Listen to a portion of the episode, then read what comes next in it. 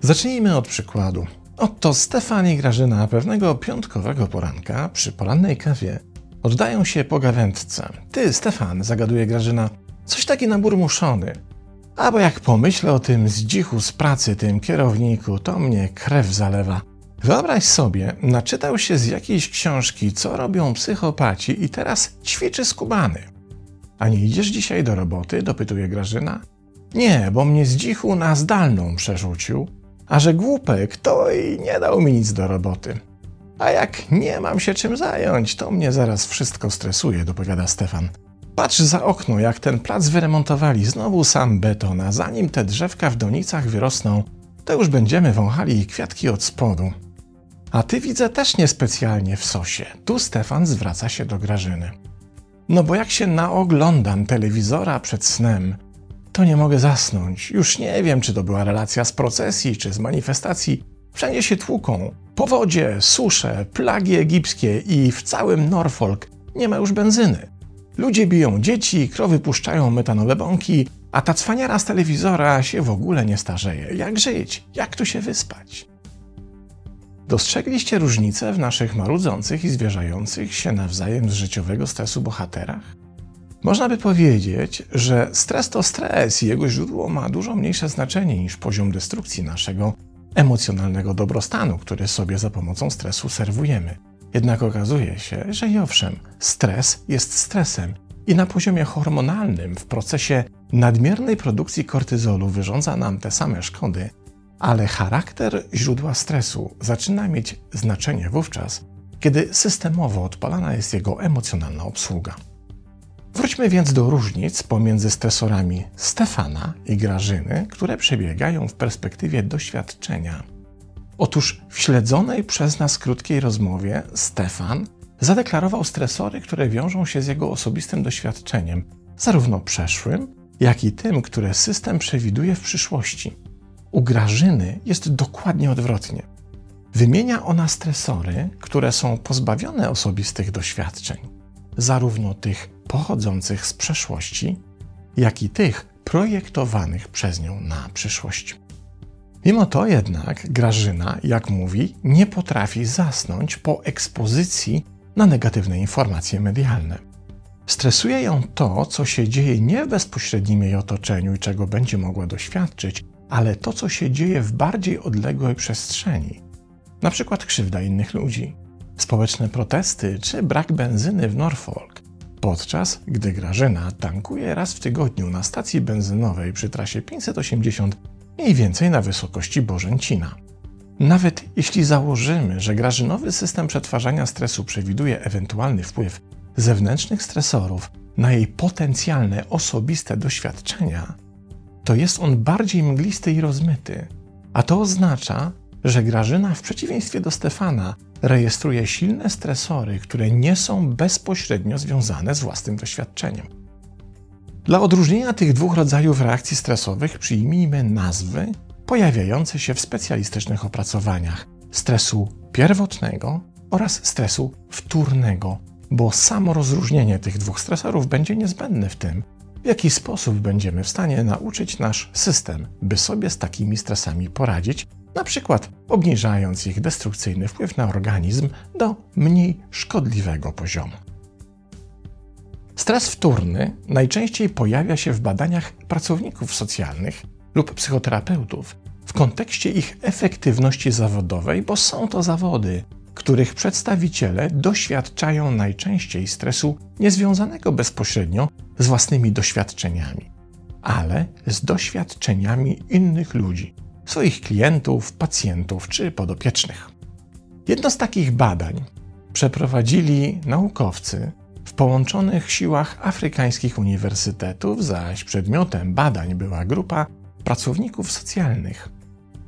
Próbowano ustalić, czy i jaki wpływ ma określony poziom stresu wtórnego, którego źródła pochodzą z doświadczeń innych osób, na tzw. Tak życiowy dobrostan, oceniany m.in. w perspektywie panowania nad środowiskiem życiowym samoakceptacji czy w perspektywie świadomości celu życiowego. Sam zaś wtórny stres oceniano na podstawie trzech składowych: emocjonalnego pobudzenia w ekspozycji na informacje o cudzych traumatycznych doświadczeniach, tendencji do unikania takiej ekspozycji oraz wykazywanych potrzeb ingerencji w przypadki cudzych traum. Okazało się, że występowanie wszystkich tych trzech aspektów oraz każdego z osobna było ujemnie związane z życiową satysfakcją, w tym z posiadaniem wyraźnego celu życia, panowaniem nad środowiskiem oraz samoakceptacją. Im zaś któryś z aspektów przybierał silniejszą formę, tym jego negatywny wpływ stawał się większy. Przetłumaczmy teraz wyniki tego badania na przykład z Grażyną. Wskazują one, że poddając się stresowi wtórnemu, czyli stresując się informacjami nie mającymi bezpośredniego związku z jej osobistym doświadczeniem, Grażyna będzie odczuwała coraz to mniejszą satysfakcję z własnego życia. Będzie się u niej zmniejszało zarówno poczucie celowości jej życia, poziom panowania nad środowiskiem, czyli tak naprawdę to, w jaki sposób Grażyna ogarnia to, co się w jej życiu dzieje, oraz jej samoakceptacja. To zaś ostatnie oznacza, że wraz z upływem czasu pojawi się u niej coraz większy autokrytycyzm, poczucie wstydu związanego ze świadomością własnych niedoskonałości, w tym również fizycznych, a w końcu kreatywna inercja. I będzie się tak działo nie tylko i wyłącznie wówczas, kiedy Grażyna będzie się zmagała z emocjonalnym, stresowym pobudzeniem podczas słuchania stresujących informacji, ale również wówczas, kiedy będzie starała się ich uniknąć i zamieść pod dywan. Jak również, i tu chyba największa niespodzianka, kiedy będzie się starała zaingerować w coś, co nie tylko nie jest związane z jej osobistym doświadczeniem, ale przede wszystkim w coś, na co nie ma wpływu. I tutaj znajduje się klucz z jednej strony do zrozumienia fundamentów naszego życiowego stresu, a z drugiej strony otwierający jedyne możliwe drzwi prowadzące do jego okiełznania. Ludzie doświadczający stresu pierwotnego, czyli bezpośrednio związanego z ich osobistymi doświadczeniami, w olbrzymiej większości przypadków mają na to wpływ. Chociażby taki, że mogą zmienić środowisko swoich osobistych doświadczeń, czy zakończyć relacje, które za pierwotnym stresem stoją.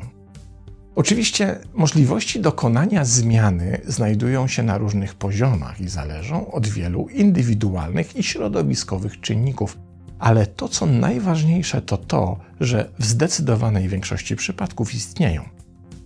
Problem ze stresem wtórnym jest taki, że jego źródło znajduje się poza naszym wpływem, a więc niezależnie od naszej reakcji, jak pokazały badania pobudzenia, unikania czy prób ingerencji, ono się nie zmieni, bo nie mamy na nich wpływu. Jak widzimy więc w tych dwóch przypadkach stresu pierwotnego i wtórnego, mimo ich tak samo silnego, destrukcyjnego działania na nasz system, zmieniają się możliwości ich systemowej obsługi. W stresie wtórnym, w przeciwieństwie jednak do pierwotnego, sprawa jego obsługi jest trochę bardziej skomplikowana, bo wiemy już, że czegokolwiek byśmy nie zrobili, to i tak nic nie da, a jedynie spotęguje destrukcyjne skutki stresu. Czy to oznacza, że stres wtórny należy pozostawić bez jakichkolwiek reakcji? Otóż nie, bo wyjściem z tej wydawałoby się patowej sytuacji nie jest nic nie robienie, ale zamiana kontekstu nieosobistego doświadczenia w osobiste. I tutaj aż się prosi o przypomnienie rozwiązania wskazywanego przez Coveya. Tak, tego samego, którego teorię postaw przywoływałem w wykładzie 101. Otóż Coway już w 1989 roku sformułował teorię kręgów wpływu, zgodnie z którą nasze życie toczy się w trzech kręgach: rzeczy dla nas ważnych, na które mamy wpływ, rzeczy dla nas ważnych, na które nie mamy wpływu, oraz rzeczy dla nas nieważnych, na które nie mamy wpływu. Oczywiście pierwszy krąg otacza nas najciaśniej, a każdy kolejny obejmuje coraz tą większą życiową przestrzeń. Problem według Coveya najczęściej pojawia się w sytuacjach, w których próbujemy dokonać ingerencji w trzeci i drugi krąg, gdzie spotykamy się zawsze ze ścianą. Tam po prostu to, co robimy, niczego nie daje, niczego nie zmienia, a jedynie pozbawia nas energii. Kiedy jednak uświadamiamy sobie ten mechanizm, zaczynamy być zdolni do przeniesienia energii naszych działań wyłącznie do pierwszego kręgu, czyli obszarów, które są dla nas jednocześnie ważne i takie, na które mamy wpływ. Tam zaś pojawia się efektywność i skuteczność, która jest nie do osiągnięcia w pozostałych kręgach. Teraz przełóżmy teorię Coveya na obsługę stresu wtórnego. Tutaj również wszelkie podejmowane działania w obszarach znajdujących się poza naszymi osobistymi doświadczeniami odbiją się od ściany braku wpływu. A to oznacza, że kiedy przejmujesz się czyjąś krzywdą, czy też unikasz informacji o takiej krzywdzie, albo próbujesz w nią ingerować, najprawdopodobniej jedynie powiększysz swój stres i konsekwentnie będziesz tracić życiową satysfakcję. W tej sytuacji wyjściem nie jest zaprzestanie działań w ogóle, ale przeniesienie ich do ciaśniejszego kręgu, czyli do obszaru rzeczy ważnych, na które masz wpływ. Pokażmy to na przykładzie. Oto Grażyna i Stefan jadą samochodem i słuchają informacji o pogarszającym się klimacie. Grażyna pogrąża się w stresie i nawet nie zauważyła, jak Stefan zatrzymał samochód i wysiadł. Grażyna rozgląda się dookoła i dopiero po chwili orientuje się, że Stefan podchodzi do stojącego przed nimi w korku innego samochodu, z którego przed chwilą kierowca wyrzucił na ulicę zużytą serwetkę. Stefan podnosi serwetkę, uprzejmie puka do szyby od strony kierowcy i kiedy ta się otwiera, wrzuca zużytą serwetkę z powrotem jej właścicielowi, po czym spokojnie wraca do swojego samochodu. Oczywiście Stefan stworzył zagrożenie w ruchu, złamał przepisy, naraził się być może na bójkę z wkurzonym troglodytą. Ale kiedy spojrzymy na ten czyn z perspektywy wtórnego i pierwotnego stresu, to precyzyjnie widzimy, na czym polega zmiana kręgów reakcji i przeniesienie jej z kręgu nie mam wpływu do kręgu mam wpływ, czyli dodanie do źródła stresu aspektu osobistego doświadczenia.